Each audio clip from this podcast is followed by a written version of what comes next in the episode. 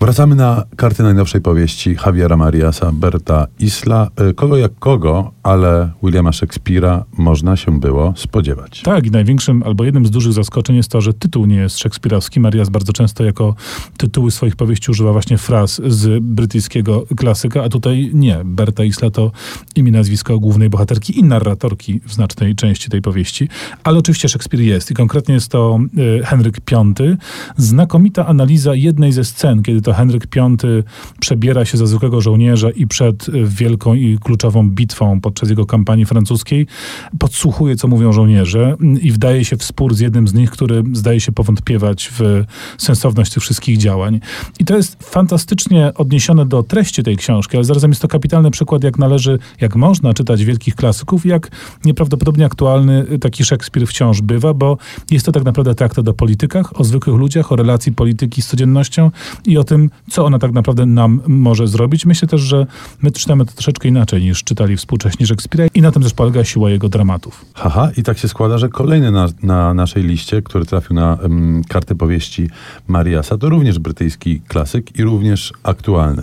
No, Marias jednak Brytyjczyków uwielbia. Tale of Two Cities, czyli opowieść o dwóch miastach. Mm, zapewne pamiętają Państwo mniej więcej opowieść. Tatuś siedzi w Bastylii, córeczka z mężem jadą, żeby go e, oswobodzić. Tam się pojawia drugi e, pan, taki troszkę rozpity prawnik, który koniec końców z miłości wykonuje gest wręcz niewyobrażalny. A w tle a w tle rewolucja francuska, w tle dwa miasta, z których Dickens jedno, umówmy się, znał znacznie lepiej od drugiego. I tak naprawdę opowieść ku przestrodze, bo ewidentnie e, ta książka była pisana z myślą o włodarzach, o arystokratach brytyjskich e, i Dickens mówił im, patrzcie, co może się wydarzyć, jeżeli nie będziecie myśleć rozsądnie o przyszłości waszego kraju, a nawet o przyszłości własnej. Zaraz wam się te wściekłe masy zbuntują. Myślę, że nie tylko brytyjscy włodarze i politycy powinni tą książkę Dickensa czytać e, regularnie. Przydałaby się ona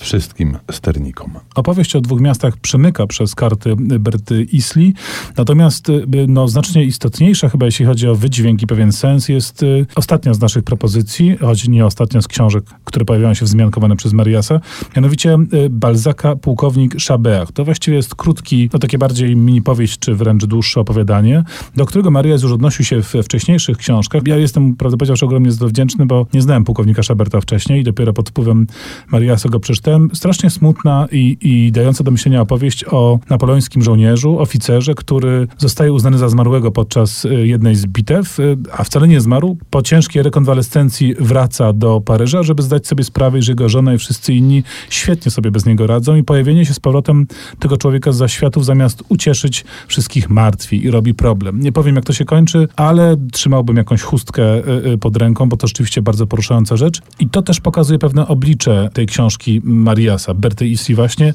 bo jest to książka także poruszająca i rzeczywiście działająca na emocje, choć oczywiście przede wszystkim na intelekt. Jednym słowem, Marias otwiera całą bibliotekę, do której warto zerkać. No właśnie, na Mariasa nie ma mocnych, y, a my zostawiamy Państwa z muzyką z filmu I nie ma mocni.